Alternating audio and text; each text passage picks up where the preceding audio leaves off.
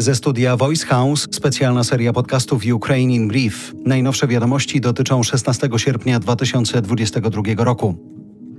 Eksplozje i pożar w składzie amunicji na okupowanym przez Rosję Krymie. Lokalne władze zarządziły ewakuację dwóch tysięcy ludzi. Rosjanie twierdzą, że wybuchy to wynik ukraińskiej dywersji.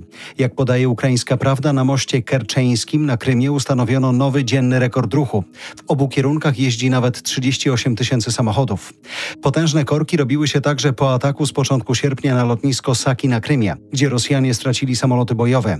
Rosyjskie MON dalej twierdzi, że ktoś złamał tylko zasady bezpieczeństwa Nie był to żaden atak. W mediach mówiło się o ataku ukraińskich sił specjalnych albo o użyciu specjalnych dronów.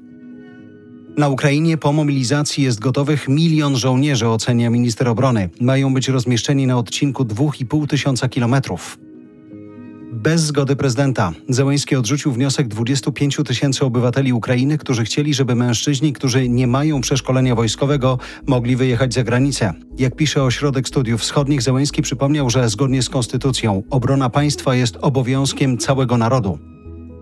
W najbliższym czasie ma być uchwalona ustawa o legalizacji posiadania broni na Ukrainie. Szef ukraińskiego MSW twierdzi, że od wybuchu wojny stosunek Ukraińców w tej sprawie zmienił się od skrajnie negatywnego do pozytywnego.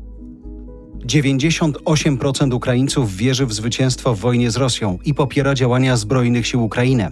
To sondaż agencji Rayton. Jedna ważna zmiana. Dziś 59% zdecydowanie popiera działania prezydenta Zełenskiego. W kwietniu było to 74%. Dalej w sondażu czytamy, że 72% badanych Ukraińców jest za członkostwem w NATO. Estonia przegania rosyjskie symbole. Mój rząd zdecydował o usunięciu sowieckich pomników z przestrzeni publicznej w całym kraju, poinformowała na Twitterze premier Estonii. Przykład? Sowiecki czołg T-34 stojący w estońskiej Narwie. Właśnie znika. To było Ukraine in Brief od Voice House.